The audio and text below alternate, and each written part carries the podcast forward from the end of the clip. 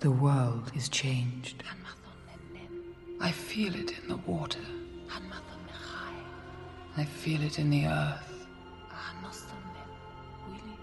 I smell it in the air.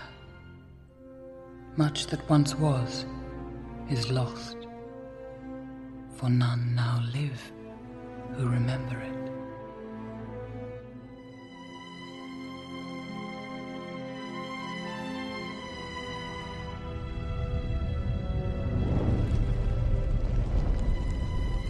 It began with the forging of the great rings.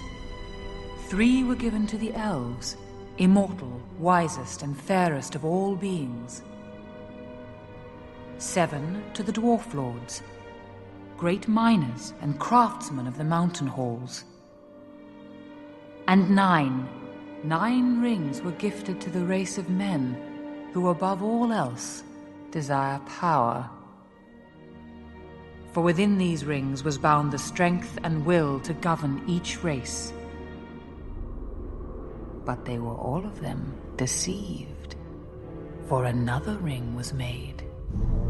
In the land of Mordor, in the fires of Mount Doom, the Dark Lord Sauron forged in secret a master ring to control all others. And into this ring he poured his cruelty, his malice, and his will to dominate all life. One ring to rule them all.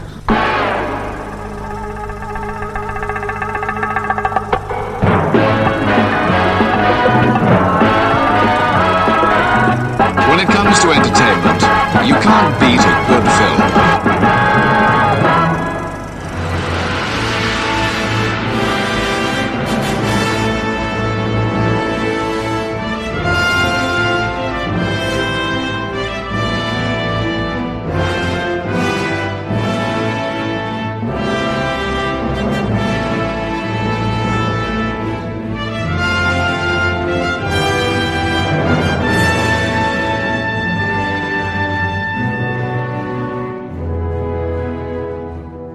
Goedemorgen, goedemiddag, goedenavond of wanneer je dan ook luistert. Welkom bij weer een nieuwe aflevering van Inglorious Rankers, de podcast waarin we films ranken. Van franchise tot filmjaren, van acteur tot regisseur. Deze week het eerste deel van Ranking Middle Earth. Een ranking die ik opgenomen heb met inmiddels bekende mede-ranker Paul Hazelhoff en new to the show Wouter van der Sande. Voordat we hiermee gaan starten wil ik even kort stilstaan bij wat reacties die voorbij kwamen op social media betreffende de Villeneuve ranking. De moviefreter deelt zijn ranking op nummer 10 Enemy en hij geeft daarbij aan mijns inziens zijn enige misser die ik nog wil herzien. Zeker doen. Nummer 9 August 32nd on Earth, 8 Polytechniek, 7 Maelstrom, 6 Arrival, 5 Dune, 4 Sicario, 3 Blade Runner 2049, 2 Prisoners. En nummer 1 Incendie. Dank voor het delen van je lijst. Leuk account om eens te bekijken, de Movie Vreter, en te volgen via Instagram. Het Huisman reageert ook via Insta. Helaas niet alles gezien, dus een officiële ranking is er vanuit mij niet. Maar van wat ik gezien heb, zijn er twee mijn favoriet: Blade Runner 2049 en June. Naast de reacties ook een shout-out voor de Facebookpagina Film Podcasts Nederland en België. Een pagina om zeker te volgen als je houdt van podcasts die gaan over films. De pagina houdt je op de hoogte van alles dat vers verschijnt. Een aanrader. Goed, nu over naar de ranking van deze week, Ranking Middle Earth. Voor de intro hoorden jullie een deel uh, van de proloog uit The Fellowship of the Ring. En na de intro een van de muzikale thema's uit de eerste Lord of the Rings trilogie, muziek door Howard Shore. Voordat we dan echt gaan starten, een nummer uit The Hobbit, An Unexpected Journey, Song of the Lonely Mountain door Neil Finn. En dan het eerste deel van Ranking Middle Earth.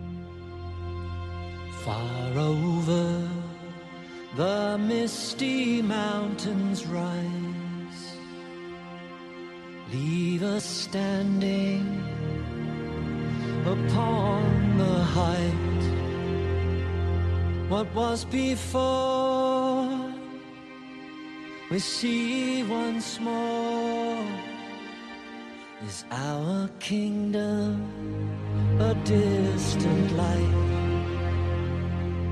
Fiery mountain beneath the moon. The words unspoken will be there soon. For home a song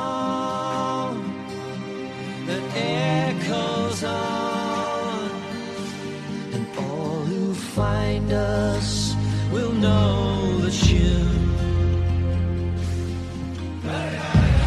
Some folk we never forget, some kind we never forgive. Haven't seen the back of us yet. We'll fight as long as we live. All lies on the hidden born. We'll ride in the gathering storm until we get our long forgotten gold. We lay under the misty mountains cold in slumbers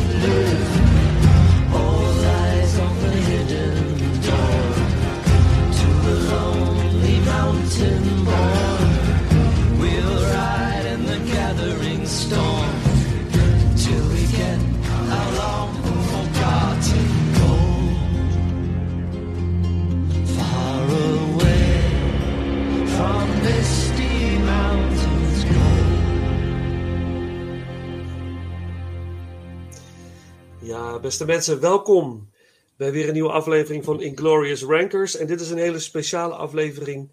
We gaan het hebben over een speciale filmreeks, maar we hebben ook een eh, speciaal team. Een team bestaande uit drie personen. Dat doen we niet vaak bij Inglorious Rankers. Eén gast die al veel vaker is, die eigenlijk al een mede-Inglorious Ranker is. En dat is eh, Paul Hazelhoff. Paul, welkom. Dankjewel, we zijn er weer. We zijn er weer. We Ja. hebben natuurlijk samen gedaan Christopher Nolan en we hebben gedaan. eh, wat was dat? Ridley? Scott. Oh, Ridley, Ridley Scott, Scott. natuurlijk. Hoe kan ik het vergeten? Ridley Ja. Scott, waar we ook nog binnenkort deel 2 van gaan opnemen. Eh, hoe gaat het met je? Ja, het gaat, eh, het gaat lekker op zich. Ja. Bioscopen zijn open. We hebben weer wat films van het lijstje mogen afstrepen. We hebben inmiddels ook de laatste James Bond gezien. En June mogen we eindelijk eh, doorstrepen. En eh, ja, toch ook wel een kleine, kleine tip voor de luisteraars als het nog gaat van eh, Last Night in Soho. Geef deze film absoluut een kans. Ja, ik heb genoten. Dus, dus ja, een beetje zoals Ravella, een beetje vreemd, maar wel echt lekker. Dus geen reclame op zich, maar ik liep met een tevreden gevoel de zaal uit, laat ik het zo zeggen. Ik wil hem ook heel graag gaan zien. Ja, ik, ik Vincent, ga het doen, alsjeblieft, ga Ja. het doen. Ja, ik doe het. Ik doe het. Deze, deze film verdient ook gewoon de centen van een bioscoopkaartje. Dus, Zo ook met June en eh, Bond. absoluut. Dus dat, eh, maar deze film, ik ben onwijs benieuwd naar eh, Last Night and So. Al heel lang eigenlijk eh, zit ik te- op te wachten dat hij eindelijk zou uitkomen. Dus ik ga hem zeker, zeker zien. Ik heb eh, eh, een paar weken geleden een ranking Denis Villeneuve opgenomen samen met iemand. En eh, June heb ik daar ook in gerankt natuurlijk. Ik zal niet vertellen op welke plek. maar ik vond het in ieder geval wel een hele bijzondere, bijzonder mooie film, moet ik zeggen. absoluut. Echt, absoluut. En, Paul, we hebben een, eigenlijk een first time Inglorious Ranker. Dus eigenlijk vanaf vanavond ook een Inglorious Ranker. En dat is Wouter. Wouter van de Sanden, om het eh, zo compleet mogelijk te zijn. Wouter, welkom Hallo Eh, bij ons. Ehm, misschien kun je wat vertellen over jezelf. Wie ben je? Wat doe je zoal in je leven? En hoe ben je in hemelsnaam bij ons terechtgekomen? Oeh, goede vraag Vincent. Hallo allemaal. Ik ben een nieuwe Inglorious Rankers hoor ik. Mijn naam is dus eh, Wouter van der Sande. Ik ben 20 jaar oud en ik kom uit uh, Zertogenbos, het goede oude Brabant. Eh, nou, hoe ben ik bij Inglorious Rankers gekomen? Nou, daar kun je al opmerken dat ik een cinefiel ben. En eh, niet zo'n kleintje ook. het eerste wat me eigenlijk eh, bij Inglorious Rankers bracht, ik weet niet meer precies hoe ik op het account ben gekomen, maar eh, ik ben volgens mij toen voorbij die Christopher Nolan ranking gekomen. Ergens in mei, volgens mij. Is goed Dus, mogelijk, ja. Mhm. Ja, en toen was ik al, eigenlijk al hooked. Ik had eh, midden 2019 ook een heerlijke Christopher Nolan ranking voor mezelf gedaan. Voor degenen die me al zo lang volgen, die weten dat waarschijnlijk nog de echte oude volgers. en eh, nou, ik ben eh, al zeker ongeveer 10 jaar bijna cinefiel. En het leuke eraan is, en ook de reden waarom ik eh, met jou deze ranking ook heb besproken, is omdat Middle-earth gewoon mij een cinefiel heeft gemaakt. Dat is een mooie, dat- ja, dat, dat is inderdaad waar we het over gaan hebben vanavond, over Middle-earth. Maar je zegt cinefiel, maar dat, dat blijkt ook, je hebt een Instagram-account waarin je, waarin je veel aandacht besteedt. Ook even een shout-out voor iedereen die nog niet volgt. eh, eh, Movie Maniac Incorporated, eigenlijk I- Inc. Moviemaniac.inc. Ja, hele mooie, mooie posts maak jij met uitgebreide analyses van films. In het Engels. En meestal eindigend met This is just my opinion. Ja, Dus dit is, het, eh, dat is heel mooi. Dit is mijn mening, maar ik sta open voor wat jij van de film vindt. Ja, het, eh, je hebt een heel mooi account. En ik eh, raad iedereen aan zeker dat te volgen. Want het ziet er altijd heel strak uit. ik zet er ook, verzet ook zeker gewoon bergen met, met het werk. En ik vind het ontzettend leuk om te doen. Dus shout-out naar mezelf blijkbaar. Ja, dat het mag. Dat mag. Ja. Je, hebt, je hebt het podium ervoor nu. Oh, Nee, echt super, super tof, eh, Wouter, dat je, eh, dat je dit eh, wilt doen. En eh, ik vind het heel leuk dat we het met z'n drieën gaan doen. Want drie eh, meningen, eh, dat kan het nog interessanter maken, eigenlijk. Het hele feest. En vanavond gaan we het hebben over Middle-earth. Eh, en voornamelijk over de zes films van Peter Jackson. de regisseur Peter Jackson. Eh The Lord of the Rings en The Hobbit trilogie eigenlijk. Eh, en ehm, Wouter, jij hebt een grote liefde voor de, voor de franchise. Dan moet je echt, eh, nou, misschien moet, je- moet jij starten. Wat, wat heb jij met, met Lord of the Rings, Middle-earth? Eh, hoe ben jij er ooit mee in aanraking gekomen? En waarom doet het je zoveel?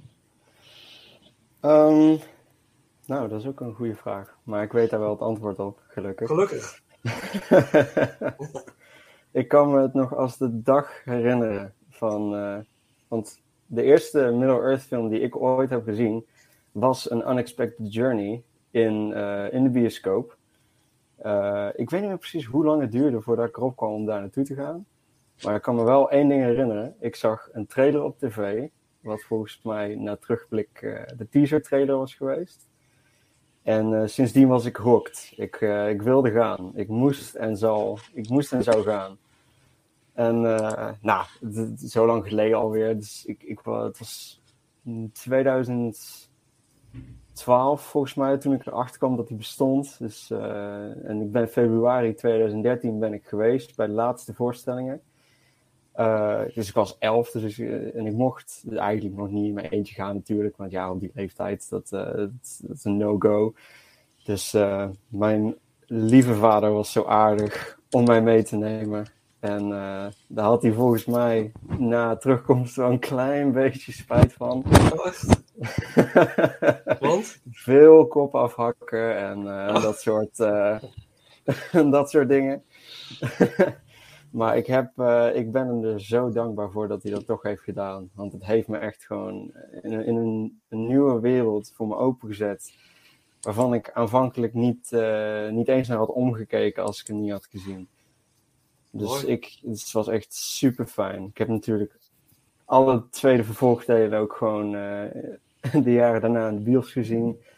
En Lord of the Rings heb ik eigenlijk vrij snel na de An Unexpected Journey bij ons in de kast gevonden op VHS. En eh, dat was echt ook een hele ervaring. Echt fantastisch. Maar daar zal ik later bij de ranking meer over vertellen. Ja, dat is heel goed. Dat is goed.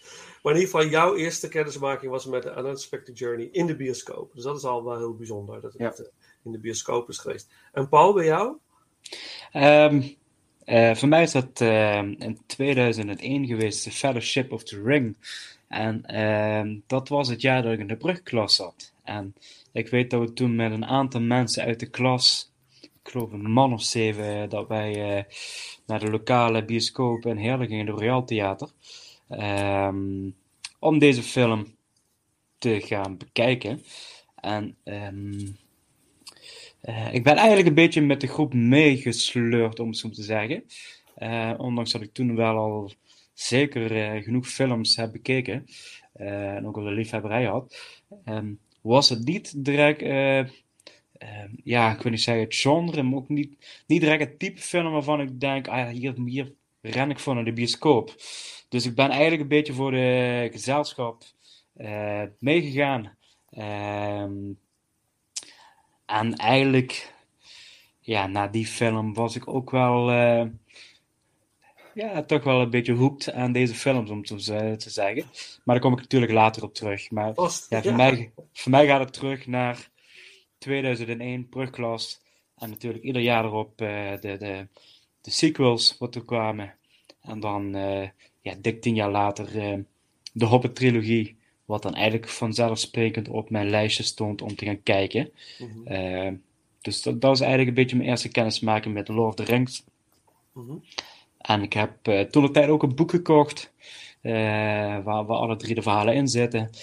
Ehm, en ja, maar ik moet dan ook wel eerlijk opbiechten, ik heb enkele passages gelezen. Ik, eh, ik ga niet zeggen dat ik, dat ik de boeken gelezen heb, want daar doe ik de boeken te weinig eer aan om, om dat te roepen. Dat, ik, ja.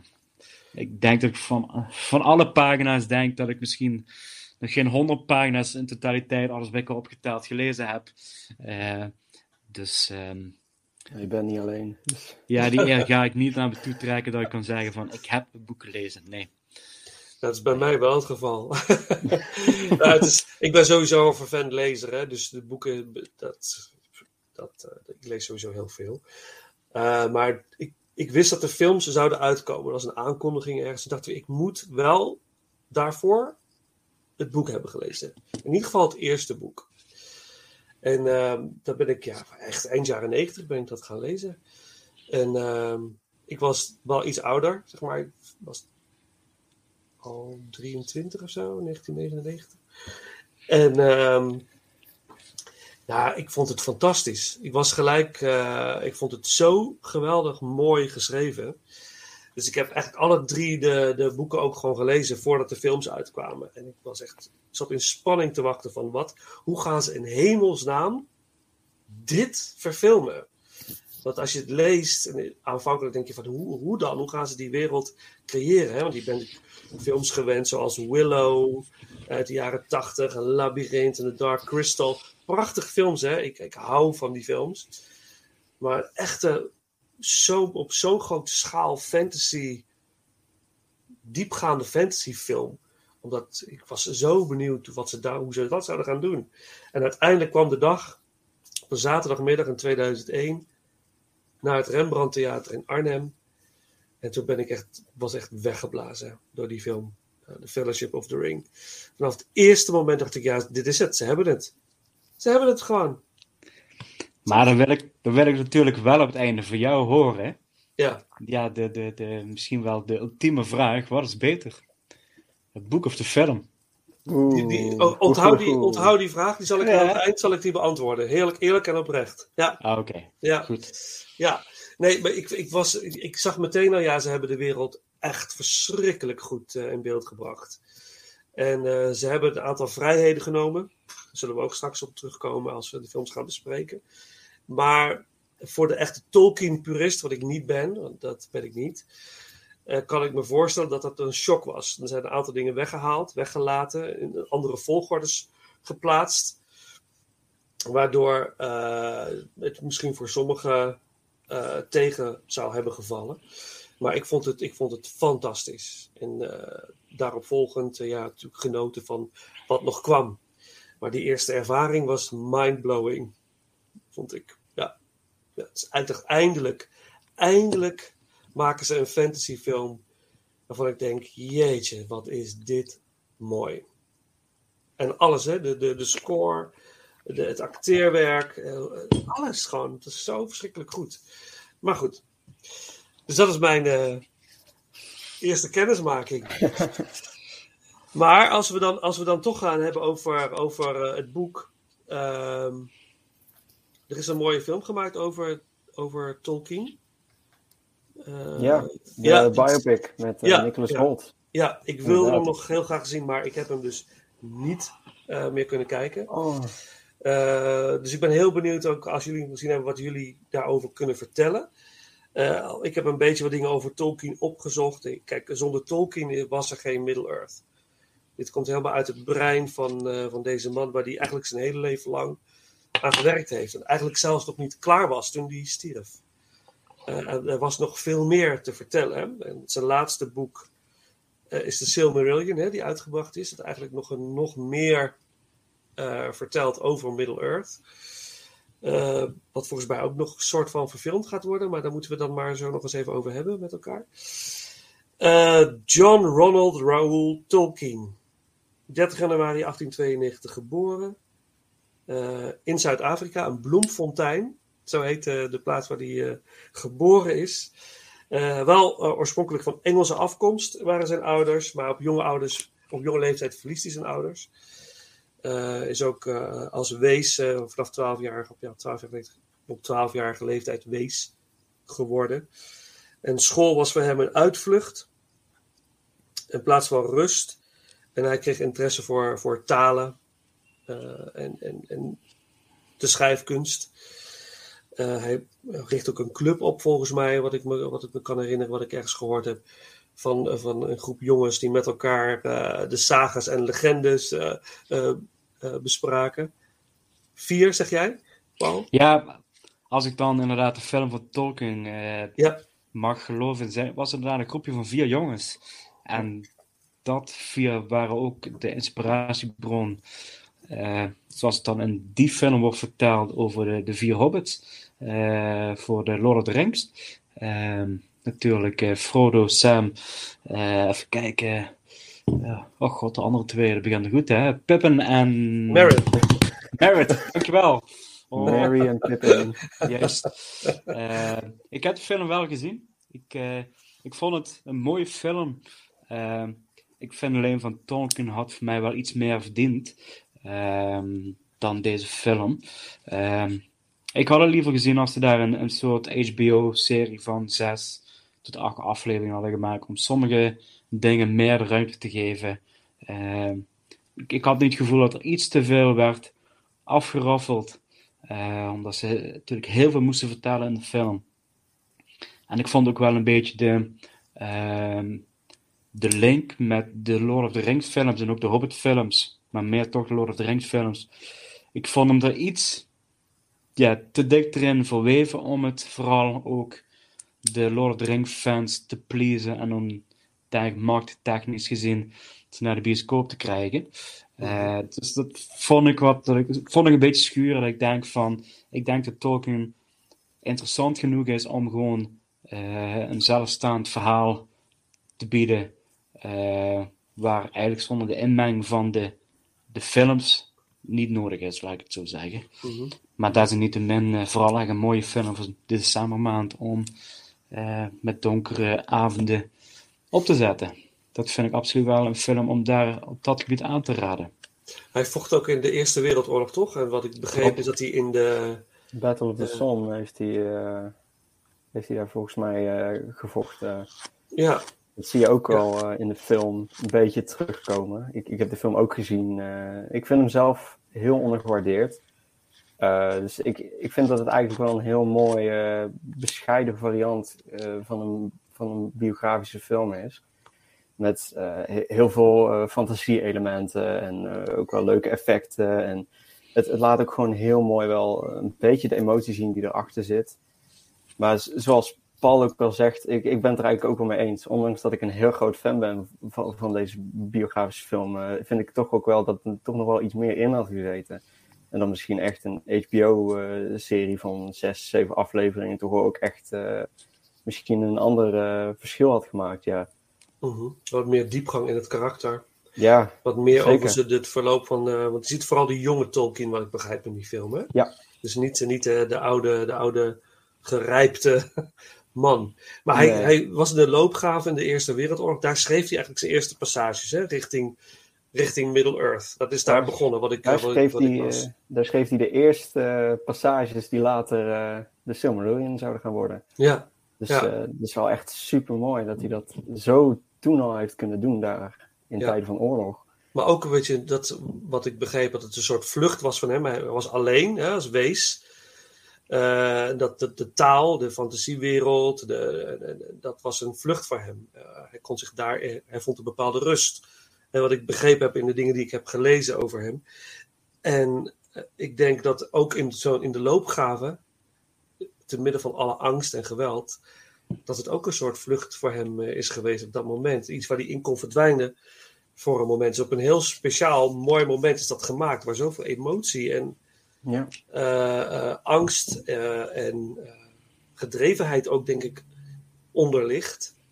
En dat, dat lees je ook heel mooi terug in de boeken, vind ik. Het, het leeft. Dat is de films. De, de boeken leven ook. Het leeft. Dus sommige mensen zijn heel erg kritisch op de boeken als ze het hebben over, ja, dan doet hij drie pagina's over om een bos te beschrijven. En dan denk ik, ja, dat is wel zo. Maar als je, als je daarin mee laat slepen, dan wordt die wereld wel echt voor je. En ga je de karakters die vervolgens jou gaan meenemen op de reis nog veel beter begrijpen, veel meer voelen, want je voelt de wereld. Nou ja, goed, dat, dat is denk ik op zo'n moment, als, als het daar ontstaat, dan leg je volgens mij een fantastische basis voor iets wat, wat heel mooi kan worden. En eh, het eerste boek wat hij uitbracht was natuurlijk De Hobbit. In 1937, zie ik hier. Beoordeeld door zijn zoontje. Want hij heeft het zijn zoontje laten lezen. Het was volgens mij de zoon van de uitgever. Oh, de eh, zoon van die- de uitgever. Ja, Oké, oké. Die mocht het beoordelen. Die zei, helemaal goed. Het kind zegt fantastisch. En het boek werd gewoon uitgegeven. Briljant. Laat Ja. een kind het maar bepalen. Zij moet het gaan lezen.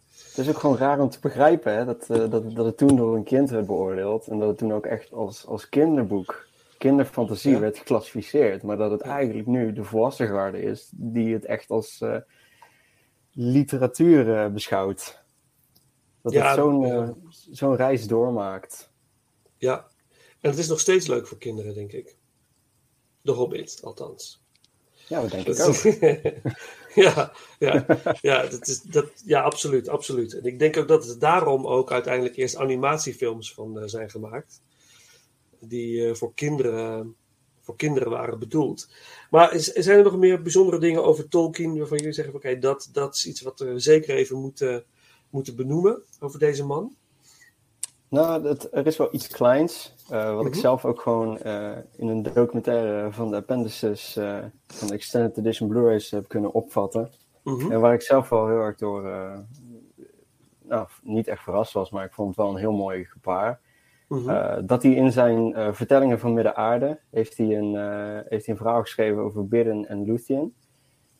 Eh, dat, is, eh, dat ging volgens mij, eh, ik, ik heb de boeken ook niet allemaal gelezen hoor. Mhm. Maar dat ging volgens mij over een, dus over een sterfelijke man die verliefd werd op een elf. Mhm. En die elf gaf haar sterfelijkheid af om, om met hem een leven te kunnen leiden, volgens mij, als ik het goed citeer. Dus Mhm. cor- corrigeer me als ik het fout heb.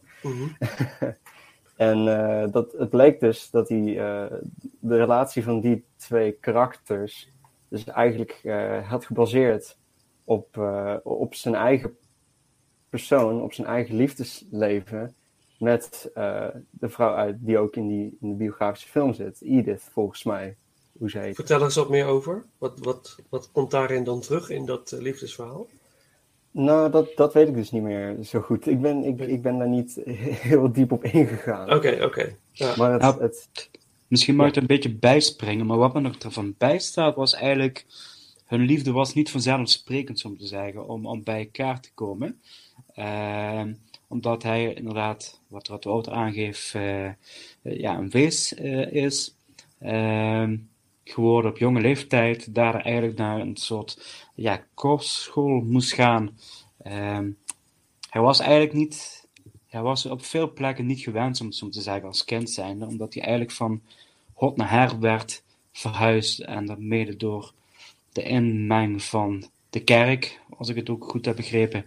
Ehm, en zijn, ehm, zijn geliefde, wat je dan in de film ziet, gespeeld door Lily Collins, dochter van, ehm, eh, kwam uit een ander milieu.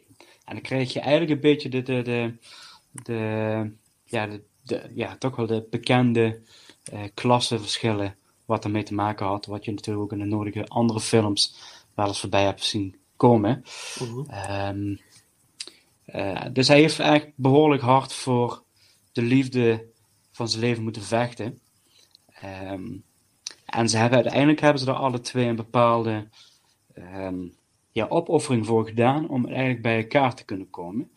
En ik denk dat dat ook eh, terug te lezen is in het verhaal wat Wouter vertelt van de, de, de, de vrouwelijke elf die haar eh, we zeggen dat jeugdigheid en onsterfelijkheid opzegt. eh, en de man die ook een bepaalde concessie doet. En wat Ja. je natuurlijk ook later in de film, en ik weet niet of dat ook zo in de boeken is, op een andere wijze ook ziet terugkomen. Mhm. Eh, ik denk dat het daarmee te maken heeft, eh, als ik het even zo Ja. eh, interpreteer van hetgene wat ik gezien heb. Ja, mooi. Ja. Mooi. En laten we niet vergeten dat Tolkien eh, een eigen taal heeft eh, gecreëerd. De, de elfentaal, als ik het goed heb. Sindarijns, eh als ik het goed heb. eh, Sindarijns, heet dat zo? Ja, dat is Ja. een van de, volgens mij. Er waren meerdere varianten op, volgens mij. Een stuk of, een stuk of drie, volgens mij. Ehm, nou, het is, je moet het maar kunnen. Ik bedoel, Ja, dat is fantastisch. Ja, ik, ben- ja dat is dus iemand, eh, die wereld leefde in hem. ja, Heel het- bijzonder. Hey, maar uiteindelijk was het dus zo dat eh, eh, het boek bleek een succes, The Hobbit. En toen kwam in 1954 kwam Lord of the Rings uit. Eerst het eerste boek en vervolgens de, de andere twee. Er zaten drie boeken natuurlijk. We hebben de, de Fellowship of the Ring, hè, de, reis, eh, de Reisgenoten heet het volgens mij de eerste. De Twee Torens en de Terugkeer van de Koning. En ehm één Hobbitboek, maar drie films. En daar kunnen we zo nog leuk, heel leuk over gaan praten. Want het boek van de Hobbit is natuurlijk, wat is het? Ja, Het staat hier in de kast, dus ik zal het zo even pakken. Volgens mij is het, weet je, ik pak het nu meteen. Volgens mij is het 100, 200 bladzijden of zo. Volgens mij zat het ergens in de 200. Even eind kijken. 200. Dus het was echt Ja, daar niet, eh, niet een heel erg eh Hele oude eh, verhaal, om het zo maar te zeggen. Het was heel beknopt, volgens mij. Ja. Ik 200 noemde zelfs eh, nog geen 100 pagina's. Nee, dat Maar dat zijn, heb ik waarschijnlijk altijd verkeerde move gehad. Laat ik het dan even zo zeggen. 253 pagina's. Deze editie in ieder geval. De oude editie. Appeltje eitje, hè? Dit, is, dit heb je zo uit. Dit is 1960. Dit boekje komt uit 19. Nee, deze komt uit 1978. Maar hartstikke leuk. Dus een heel klein boekje, drie films.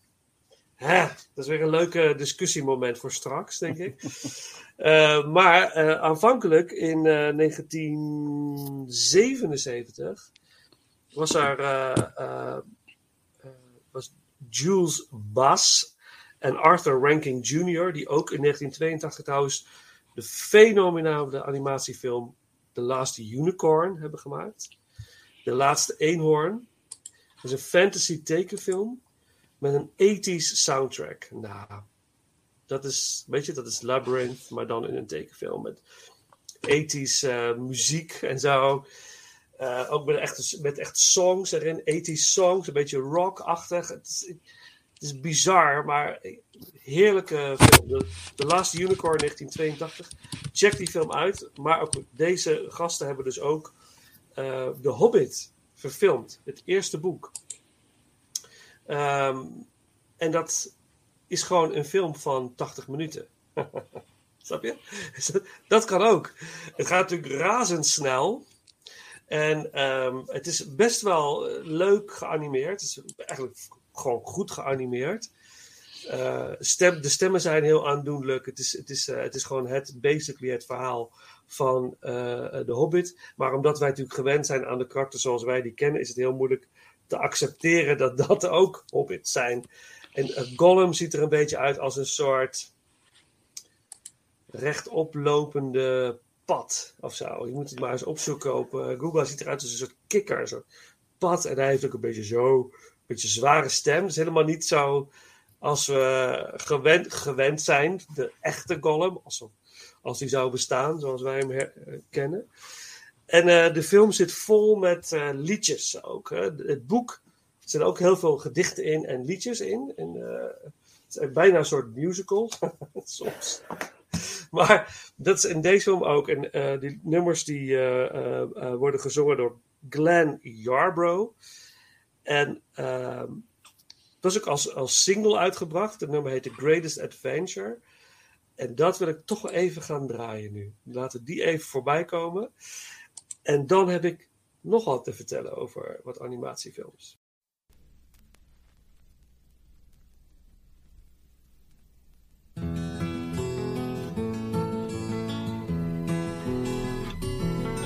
The greatest adventure is what lies ahead. Today and tomorrow are yet to be said. The chances, the changes are all yours to make. The mold of your life is in your hands to break. Greatest adventure is there if you're bold. Let go of the moment that life makes you hold. To measure the meaning can make you delay. It's time you stop thinking and wasting the day. The man who's a dreamer never takes leave, who thinks of a world that is just make believe, will never know passion, will never know pain, who sits by the window will one day see rain. The greatest adventure is what lies ahead. Today and tomorrow are yet to be said. The chances, the changes are all yours to make. The mold of your life is in your hands to break. The greatest adventure is what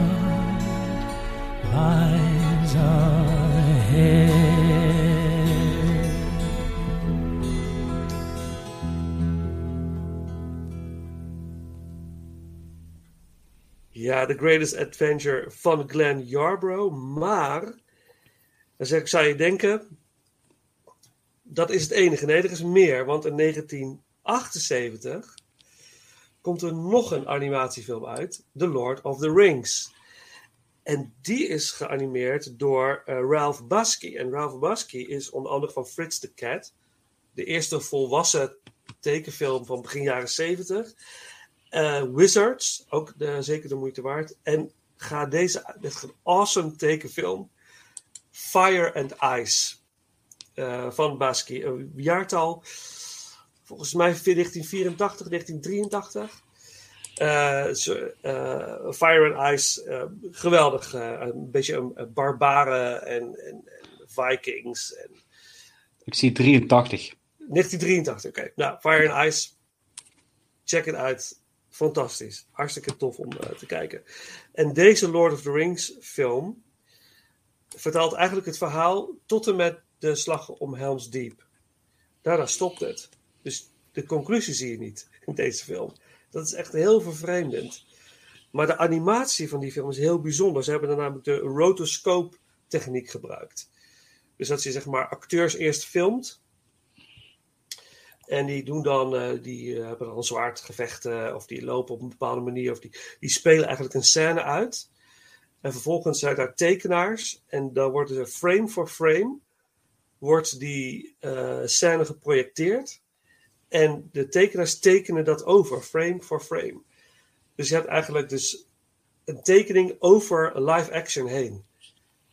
Is, dat is best wel fascinerend om te zien. Vooral tegen het einde van die film zie je dat heel mooi in die, in die battles. Het ziet er heel creepy uit ook. Dat, maakt het een hele aparte, vreemde, vreemde film. Redelijk succesvol nog in 1978.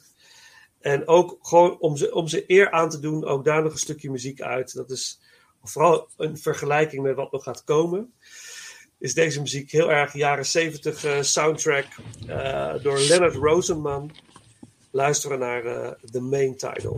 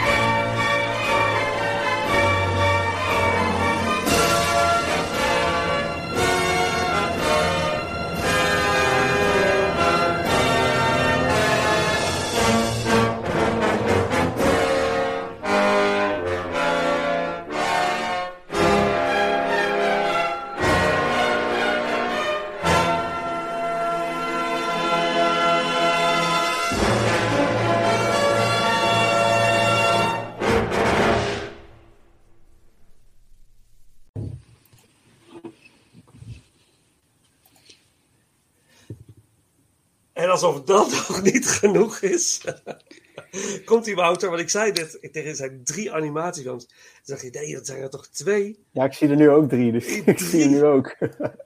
The Return of the King is ook in een animatiefilm. En nota bene door dezelfde animators die ook uh, de eerste Hobbit-film hebben geanimeerd.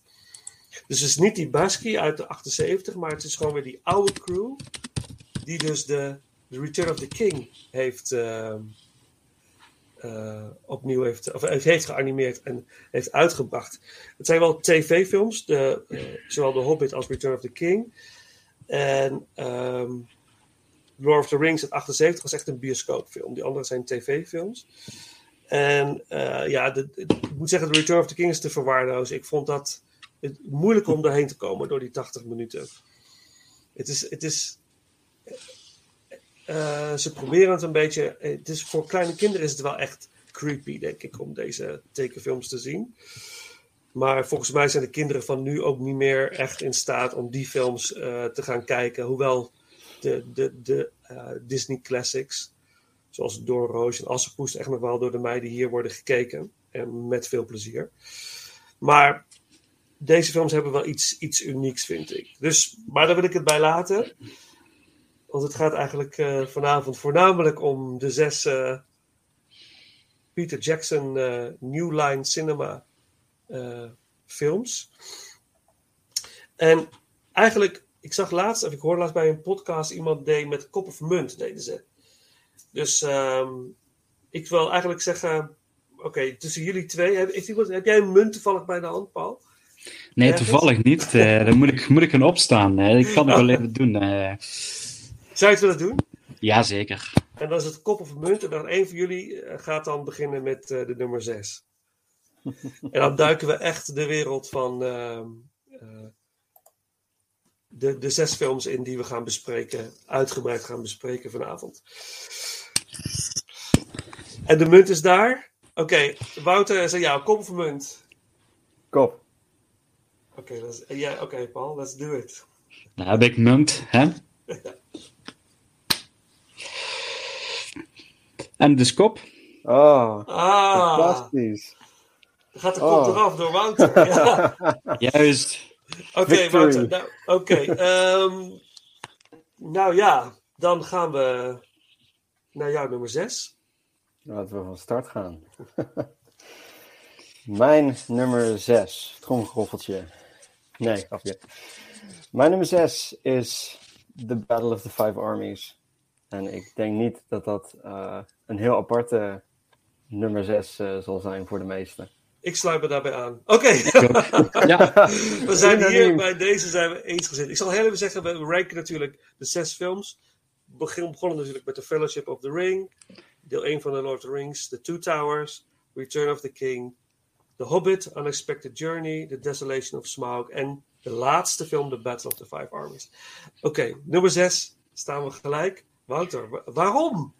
Ja, het, is ook, het voelt ook zo raar om bij het einde van uh, de laatste film te beginnen. Mm. Vertel. Ja, waar zal ik beginnen? Nou, even kijken op het lijstje. Hmm. Nou, het voelt gewoon alsof het gewoon meer als een aanhangsel was. Alsof het niet echt voelde als, als, als de eerste twee delen, om het zo maar te zeggen. Het voelde meer als een verlenging van het tweede deel. En niet echt iets wat, wat, wat vol op zichzelf stond. En dat is op zich niet heel erg. Maar er zit ook wel een heel erg interessant uh, productieproces uh, achter. Waardoor het ook ja, wat aparter is uitgevallen, om het zo maar te zeggen. Waardoor het ook wat, wat kariger is dan de vorige films. Vertel. Nou, ik zag een, uh, ik zag een video op Reddit. Die had ik jou volgens mij toen ook doorgestuurd toen ik hem had gezien. En dat liet eigenlijk volgens mij een, uh, een gedeelte zien uit een uh, aantal van de appendices, uit Extended Blu-ray Editions. En uh, daarin werd eigenlijk gewoon heel discreet uitgelegd door cast en crew hoe die productie van die derde film was verlopen. Um, dat was eigenlijk vrij chaotisch. En niet alle scripts waren af. Productie opmaak en, uh, en, en, En dat soort dingen, sets, set designs en alles, dat, was, dat werd allemaal gewoon gemaakt eh, en ingeleverd op het moment dat het ook echt af moest zijn. Dus toen zeiden ze ook iets heel grappigs, dat, eh, dat het niet hetzelfde was als bij, eh, als bij de Two Towers, waarbij ze hartstikke mooie foto's zagen van rijen aan props en, en, en, kostuums en, en set designs die twee weken voor, voor schieten klaar waren. Maar dat ze hier gewoon echt on the spot gewoon die dingen klaar moesten hebben op het moment dat er geschoten moest worden. En, dan, eh, en deze film is eigenlijk, was eigenlijk ook niet de bedoeling, volgens mij. Want eh, als ik het uit de production blogs van de oorspronkelijke Blu-rays mag halen, dan eh, waar, waar was het eigenlijk maar ook de planning om er twee te maken. En dan zou die hele battle om de, of de Five Armies gewoon ook eigenlijk veel beknopter zijn geworden. Of het zou er volgens mij ook helemaal niet eens in hebben gezeten. Of, of tot in, in deze omvang. Al met al, eh, dan wordt er op een gegeven moment ook gewoon getoond hoe dat is wanneer er geschoten wordt, maar er geen scripts zijn. Dus ongeveer totdat ze die battle moesten gaan opnemen, hadden ze eigenlijk nog wel gewoon de scripts. Maar toen ze die battle uiteindelijk moesten gaan opnemen, toen hadden ze eigenlijk helemaal niks. Dus toen, toen, toen dan zag je ook gewoon een, een beeld van Peter Jackson die daar gewoon in die sets zat en iedereen gewoon even wegstuurde. En eh, dat hij gewoon even een beeld of een visie moest krijgen van hoe hij die scène wilde gaan invullen. Want hij had helemaal niks.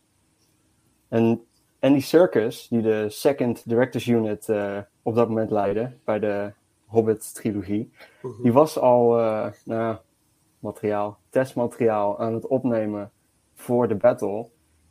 Maar ze hadden niks. Dus Peter zei gewoon van, dit kan gewoon niet jongens. Dit, dit, dit moet gewoon even stoppen. Eh, en ze hebben het gewoon on hold gezet voor zes maanden volgens mij, als ik moet herinneren. En hij heeft gewoon iedereen voor zo lang naar huis gestuurd, zodat ze gewoon echt die hele, dat hele eindstuk van het verhaal gewoon helemaal uit konden werken. Dus ik, ik ga ook gewoon, om die reden, krijg je ook gewoon zo'n beter beeld van hoe die productie van die drie films in het algemeen is verlopen. Want Peter Jackson was eigenlijk helemaal niet van plan om die films te regisseren. Dat was Guillermo del Toro, had dat moeten doen. Ja. Maar die had volgens mij problemen met zijn planning en andere dingen aan zijn hoofd.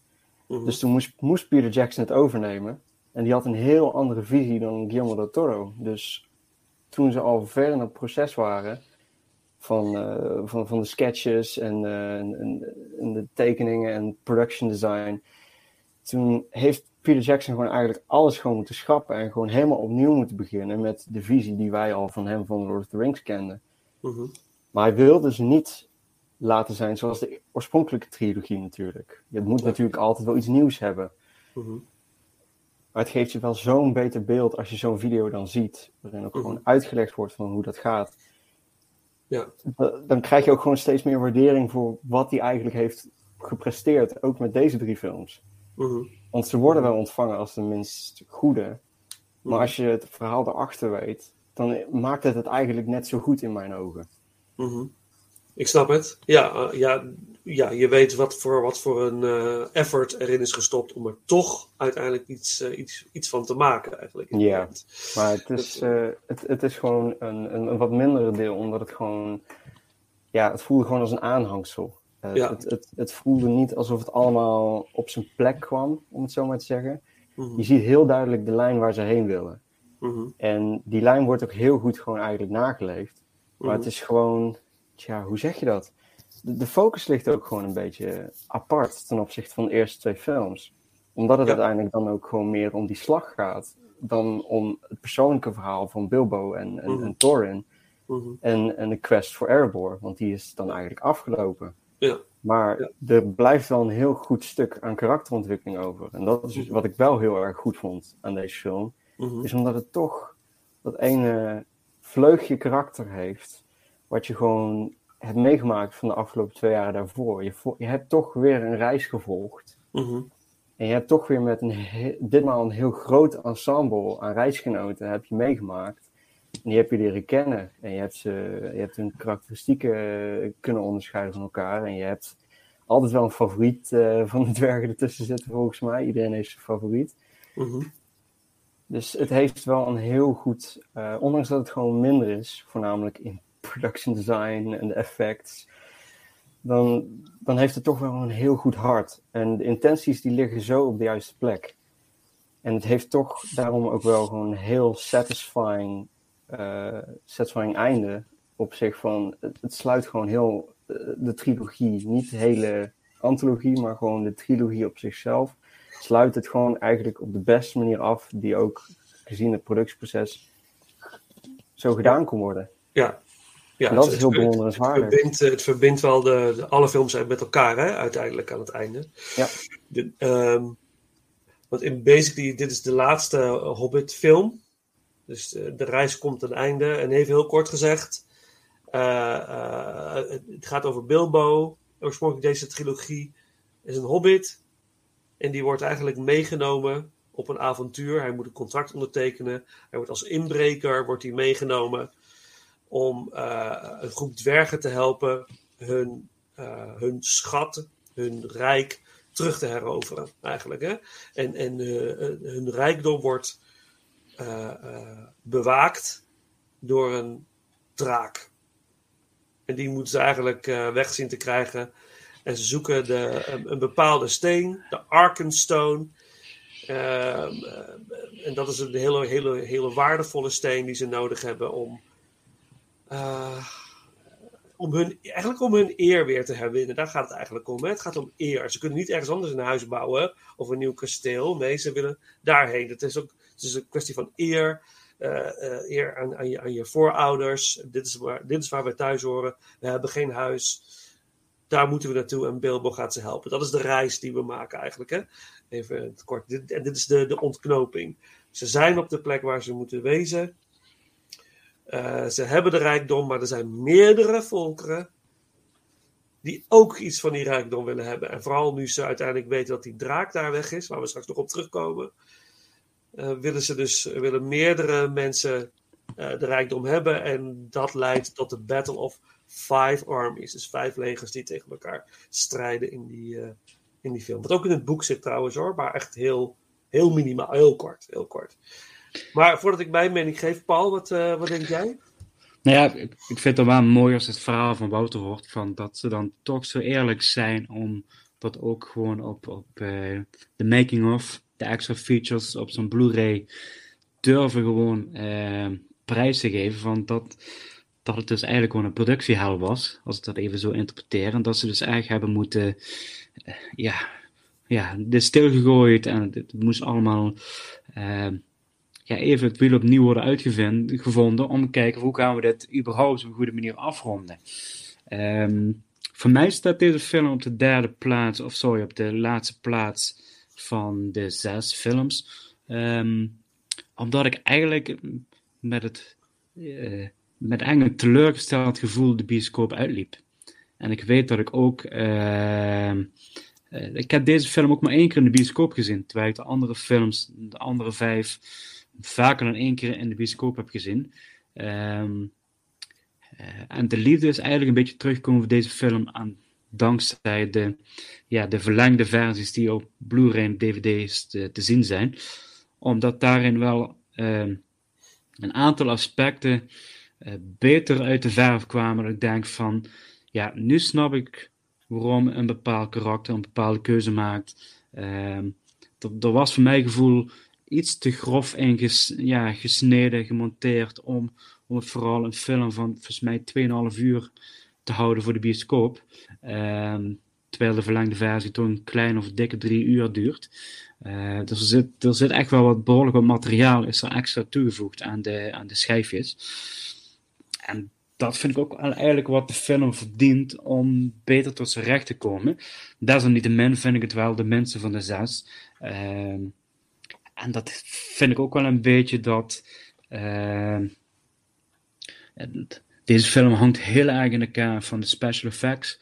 Eh, ondanks dat het er ja, echt waanzinnig uitziet, ehm, vond het voor mij een bepaalde afbreuk doen. Eh, hij werd ook op een speciale manier in de bioscoop vertoond. Met, eh, Oh, de... Dat was HDR volgens mij. HDR en dat was ook met meer frames per seconde. Uh, ik geloof 72 frames per seconde. Daar werd er nog speciaal reclame voor gemaakt. Dat was het dubbele van wat normaal gesproken uh, gebeurde. Um, ik had het deel een computerspel zat te kijken. En zeker ook wat met bepaalde karakters gebeurde en hoe de actie ging. Dat ik dacht van...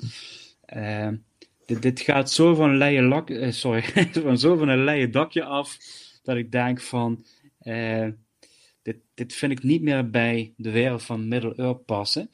Um, en ik had uh, ja, enorme onvrede eigenlijk over een karakter wat later is toegevoegd, wat eigenlijk niet in de boeken zit, waar ik ook behoorlijk misplaatst vind. Uh, en daar kom ik later ook op terug.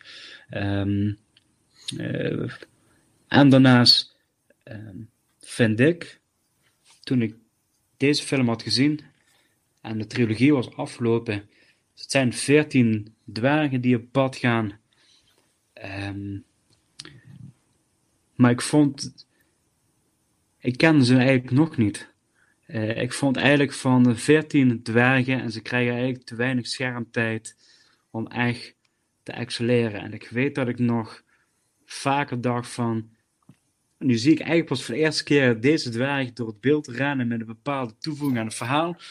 Maar we zitten al in de derde film. En wat heeft hij in andere films gedaan?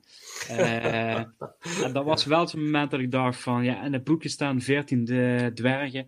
Het had voor mij best terug mogen worden gesnoeid naar als je dan op dat gebied voor creatieve vrijheid kiest om te zeggen, nou we maken er acht van. En je hebt acht uh, goede personages die, uh, die echt wat toe te voegen hebben dan alleen veertien dwergen die ja, als beeldvulling meerennen in het hele verhaal. Uh, dat, dat vond ik wel een beetje waar ik, uh, waar ik een beetje op afknapte, om maar even zo te zeggen. Uh Desalniettemin, ja, je vermaakt je uitstekend met deze film. Dat, dat wil ik wel even voorop gezegd uh, zetten. Um, en heeft nog altijd, vind ik, wel een hogere entertainmentwaarde waarde hebben als menige andere Hollywood-film waar je tegenwoordig uh, grijze haren van krijgt. um, maar toch, ja, er waren, waren voor mij wel een, een aantal aspecten waarvan ik dacht van, uh, ja, dit, dit, hier verschiet je een beetje je kruid mee waar je, waar je, de, waar de andere films mee hebt opgebouwd, om zo te zeggen. Ja, ik, ik, wil me daar wel, ik wil me heel erg aansluiten bij jullie mening. Ik, voor mij persoonlijk, Thorin en Bilbo Baggins vind ik de twee leukste karakters van de totale franchise omdat ik vind Martin Freeman als Bilbo, ik vind hem zo verschrikkelijk goed. De manier waarop hij het karakter neerzet. Dat, dat, uh, en dat onschuldige, maar toch het dappere en het wijze wat hij in zich heeft. Ik zo, hij doet dat op zo'n, uh, hoe zeg je dat? Ja, charismatisch. On, onbevangen, onbevangen, charismatisch fantastisch. En hoe hij, uh, daar komen we straks nog op terug, hoe hij de scène met Gollum uitspeelt in de eerste film, is, ik vind het zo mooi. En ik vind Thorin echt een fantastisch karakter. Ook heel charismatisch. En uh, ik heb niet de extended version van The Battle of the Five Arms Die moet ik dus gaan zien. Want mogelijkwijs zie ik dus meer van Thorin en over zijn motivaties in die film. Blijkbaar, denk ik. Dan, uh, ja, ik, dus... ik, daar ga ik dan wel iets iets heel kort over zeggen. Ik denk dat Paul ja. dadelijk wel weet over welke scène ik het ga hebben. Er zit één scène aan het einde van de film. Mm -hmm. um, daar ga ik voor jou dan niet over. Ja, niet, niet echt over. Ja, ik kan het eigenlijk wel spoilen, want je weet dat. Ja. We gaan in spoiler territory. Tuurlijk, we zitten in spoiler territory. dat is, kan niet anders. Nou, we ja. weten alle drie dat Thorin uiteindelijk overlijdt in deze film. Wat ja. echt een ontzettend uh, mooi moment is geworden eigenlijk in de film. Tussen Hij komt toch niet terug als Force Ghost, hè? Oké, okay, dan is het goed. nee. nee, maar er zit wel één scène in die, uh, in, in die extended versie. Uh, waarvan ik dacht van, hoe heb je dit eruit kunnen halen? Mm-hmm. En dat was, dat was ongeveer de begrafenis mm-hmm. in, in, in Erebor. Waarbij, mm-hmm. waarbij de overleden dwergen daar Nou ja, gewoon een beetje op, op, op, op stenen tafels voor Mhm. alle andere dwergen stonden. En dan Mhm. roept Balin gewoon van eh, Long live the king, Ja, volgens mij. En dat, en, dat is echt ontzettend emotioneel sterke scène. Die Mhm. het gewoon echt... En dan zie je ook Bilbo daar gewoon naast Thorn staan. Dat is echt zo eigenlijk een beetje hartverscheurend om te zien. Mhm. Omdat dat echt dat laatste beetje karakterontwikkeling nog, nog laat zien. Mhm. Voordat hij weer terugkeert naar, naar, naar Ballingzoek, naar Bag Mhm. End. En ik vond dat echt zo jammer dat ik dat pas in die extended versie heb kunnen zien en niet in de bioscoop. Want het, het, het gaf je toch wel weer een extra traantje bovenop de, de sterfscène van Thorin. Interessant. Maar dat, dat was ook het moment van dat hij echt gewoon erkend werd als koning die de berg terugveroverd heeft eh, voor zijn volk, voor de eer van de dwergen. Eh, Waar die voor vocht eigenlijk. Ja, waarvoor hij gevochten en dus ook gestorven is, Ja. om zo maar te zeggen. En natuurlijk gedurende de film zijn er wel andere momenten dat die veertien dwergen hem als koning erkennen en dat het ook wel steeds meer begint eh, door te sijpelen. Maar dat Mhm. was inderdaad wat Wouter terecht zegt hier. Dat is een ceremoniemoment waar hij eigenlijk voor ja, iedereen te staande van diegene die in die ruimte is, gewoon als koning wordt erkend. Eh, en tevens ook zijn opvolger wordt eh, eh, gekroond. Ehm waar ik even de naam van kwijt ben, maar dat wordt wel. Nee. Dane, Lord of the Iron Hills. Ja, precies. hij wordt wel door eh, Billy Connolly gespeeld. Fantastisch, eh, fantastisch neergezet hoor. Echt heel Ja. mooi en komisch. eh, heel mooi en komische performance. Ja.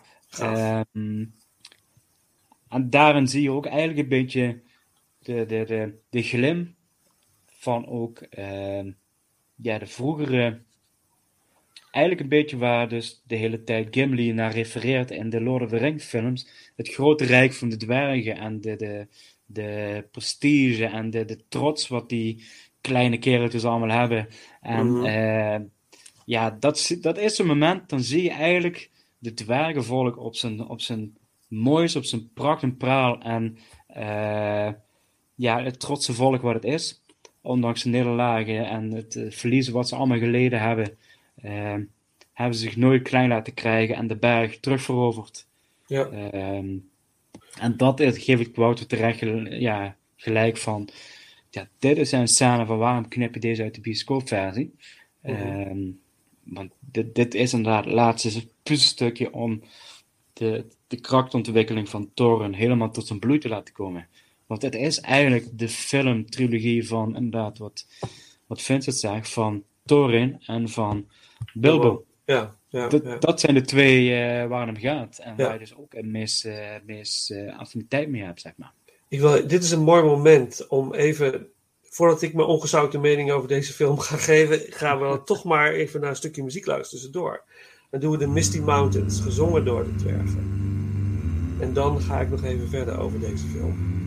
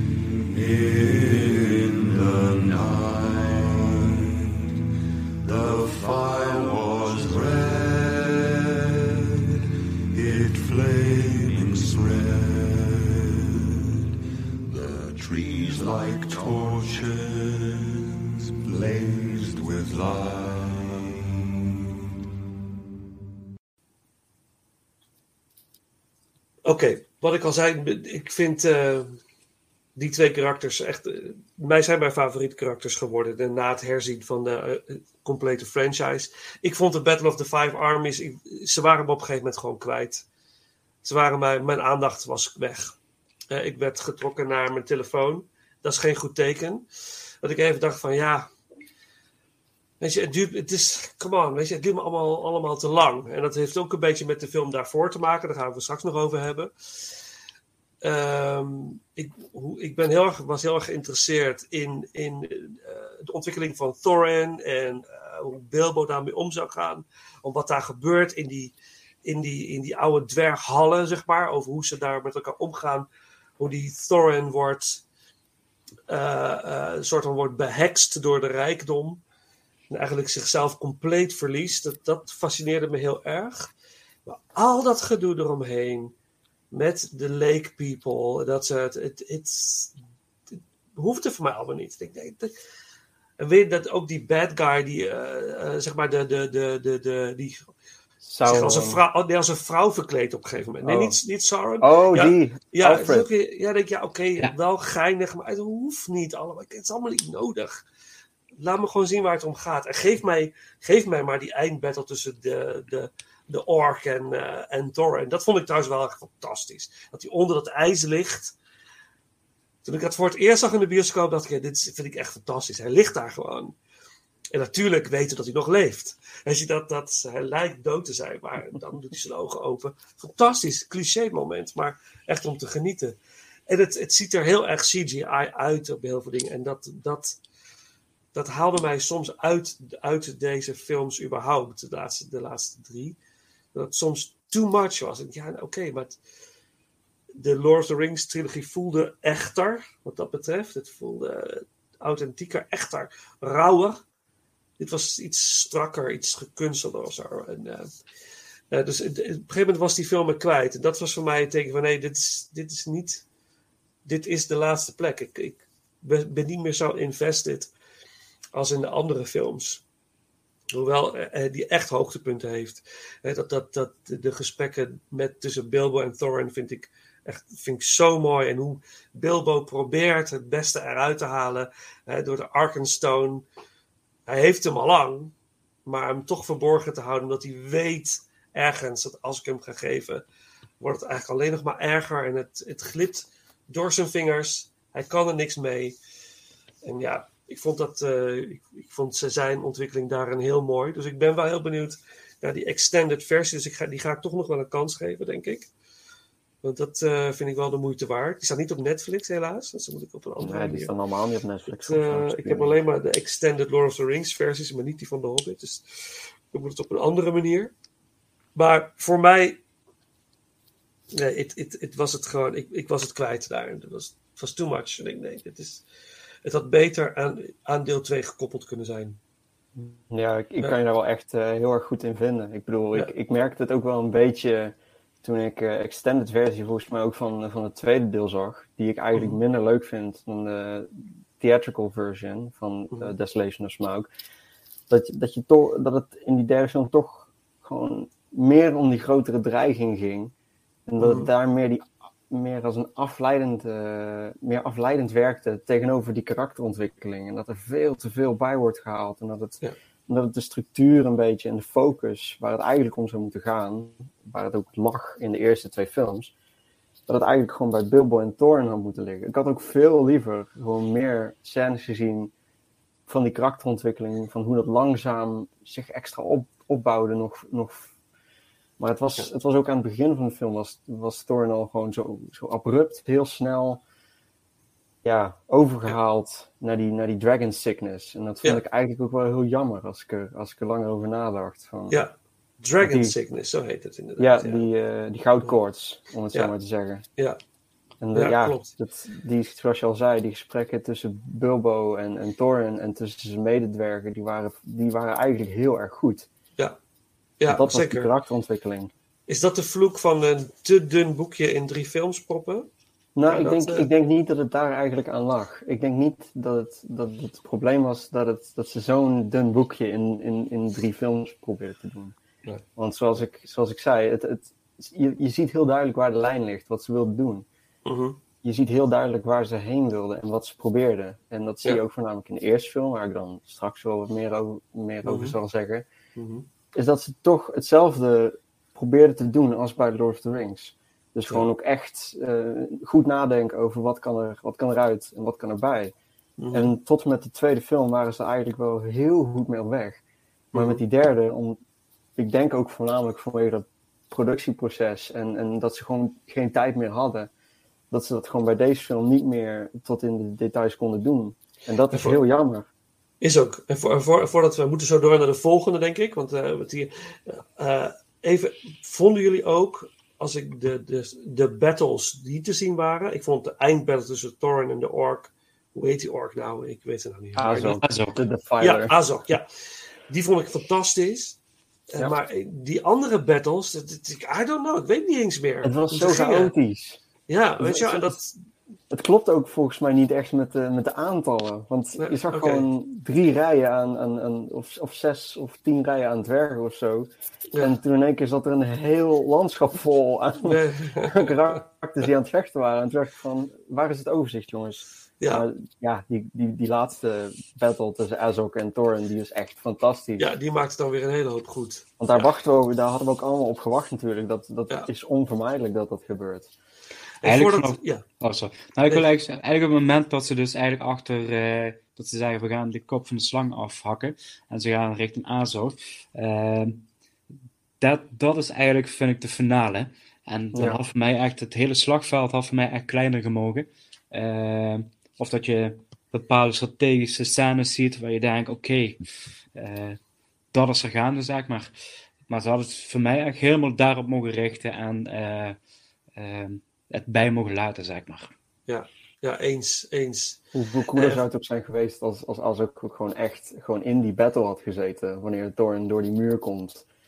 Dat, dat zou toch ook zo cool zijn geweest. Als ze daar op dat battlefield al een eerste battle hadden gevoerd. En dan Ja. als val op Ravenhill daar hadden gevochten uiteindelijk. Dat Ja. is- Ja, was mooi geweest. Net als zijn eh, grootvader deed. Of was het Ja. zijn vader, zijn grootvader. ja, precies. Ja.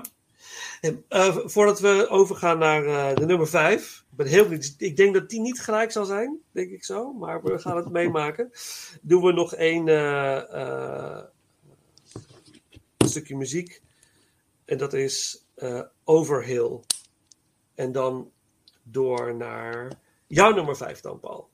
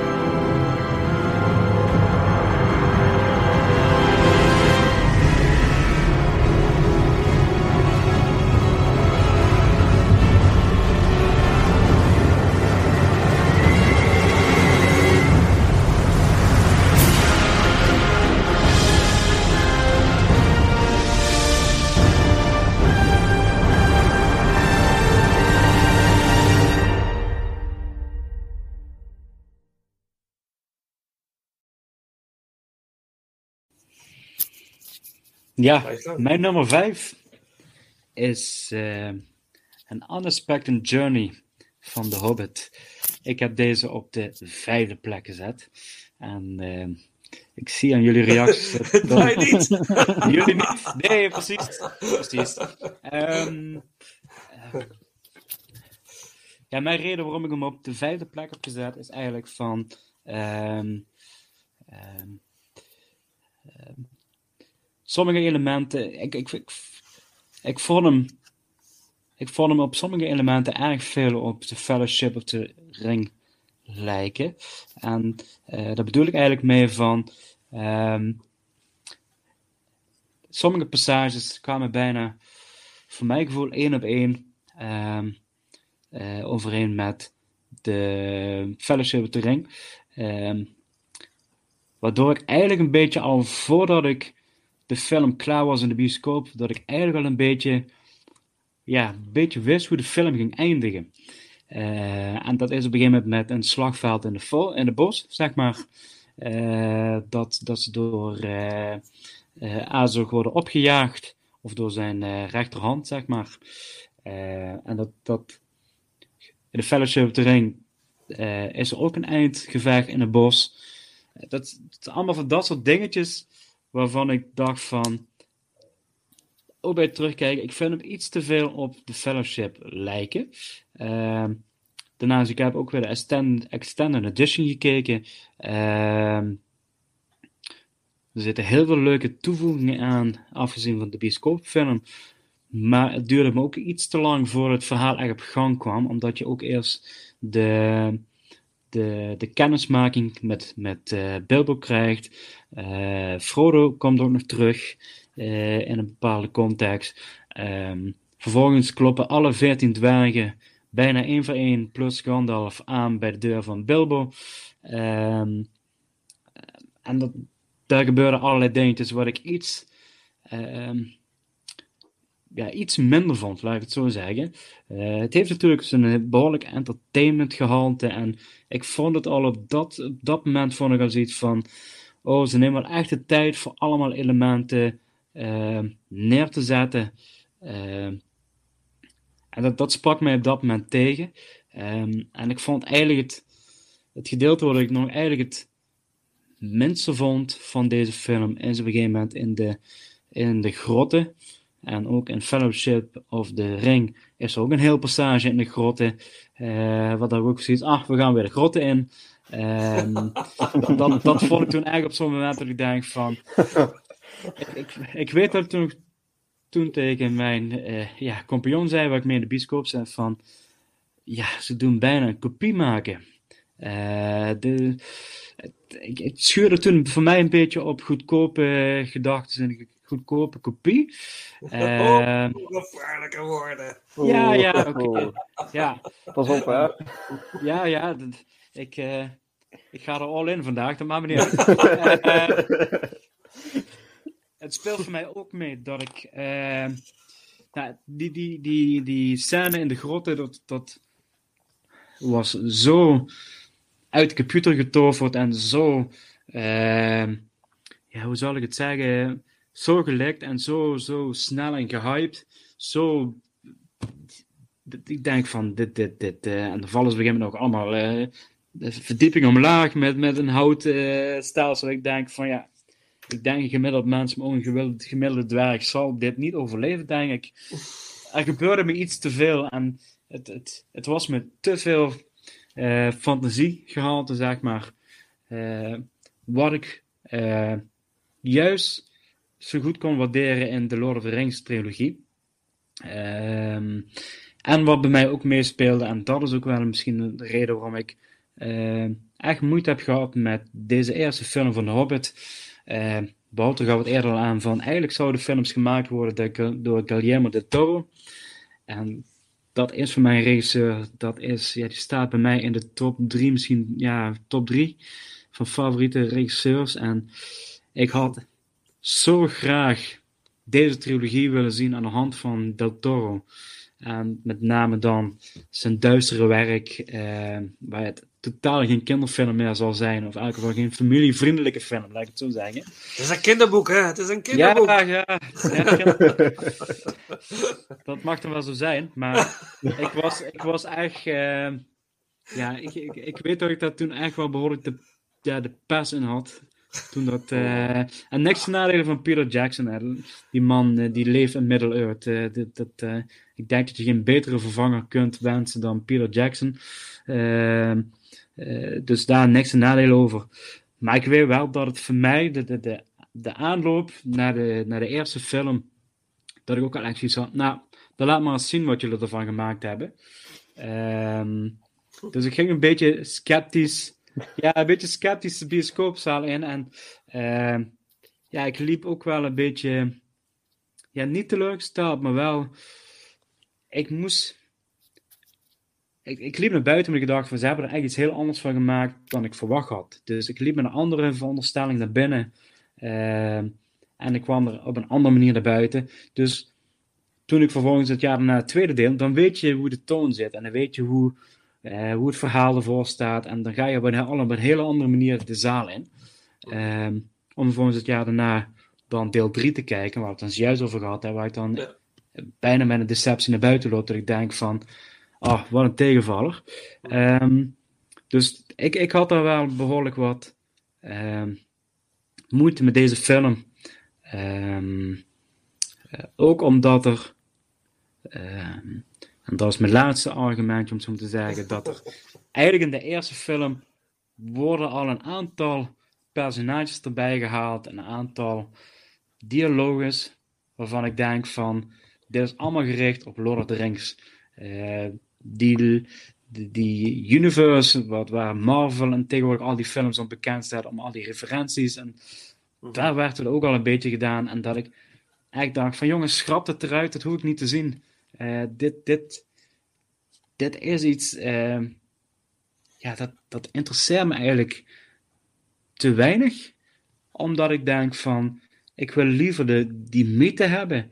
Eh, wat je tegenwoordig ook in heel veel films ziet van, ze willen alles zoveel uitleggen. Terwijl ik denk van, geef de kijker gewoon die vrijheid om, om daar zelf je fantasie eh, ehm, de vrije loop te laten gaan. En dat, dat vond ik. ehm, en ja, Gandalf komt voorbij en eh, een aantal elfenpersonen komen voorbij, personages. Mhm. Ehm, dat ik denk van ja, dat had van mij niet gehoeven, want het, had, het zat niet in het boekje. Ja, nou, Gandalf Eh, wel, hè? Gandalf zit wel. Nee, tuurlijk. Ja. Gandalf Ja. inderdaad, het verkeerde voorbeeld. Ja, ja, maar Gelukkig. ik snap wat je bedoelt. Ja, ja, ja, ja, bepaalde elfen die niet in, het, inderdaad in dit boek staan, die komen inderdaad terug om die connectie te maken met Lord of the Rings. Ja, Dat had in principe, was dat niet, niet eh, direct nodig geweest. Dus daar kan ik me wel in vinden wat je zegt. Ja. Maar, maar ehm, laten we er zo verder over discussiëren. Want eh, bij ons staat hij op een andere plek om, om, om andere redenen. Eh, dus eh, laten we wel een stukje muziek doen tussendoor van, ehm, eh, van deze eerste Hobbit-film. Ik noemde net al, we hadden eigenlijk over Hobbit 3. Maar ik zal daar eh, niet Overhill doen, want Overhill zit in Hobbit 1. Dus ik, dat was een foutje van mij. Dus eh, als het op terugwerkende kracht mensen, zojuist hebben we gedraaid Battle for the Mountain uit eh, de Five, Battle of the Five Armies. En nu gaan we luisteren naar Overhill uit de eerste Hobbit-film, An Unexpected Journey. En dan zal ik mijn nummer 5 eh, verkondigen. En wie weet, Wouter, staan we gelijk. Maar ik denk het niet.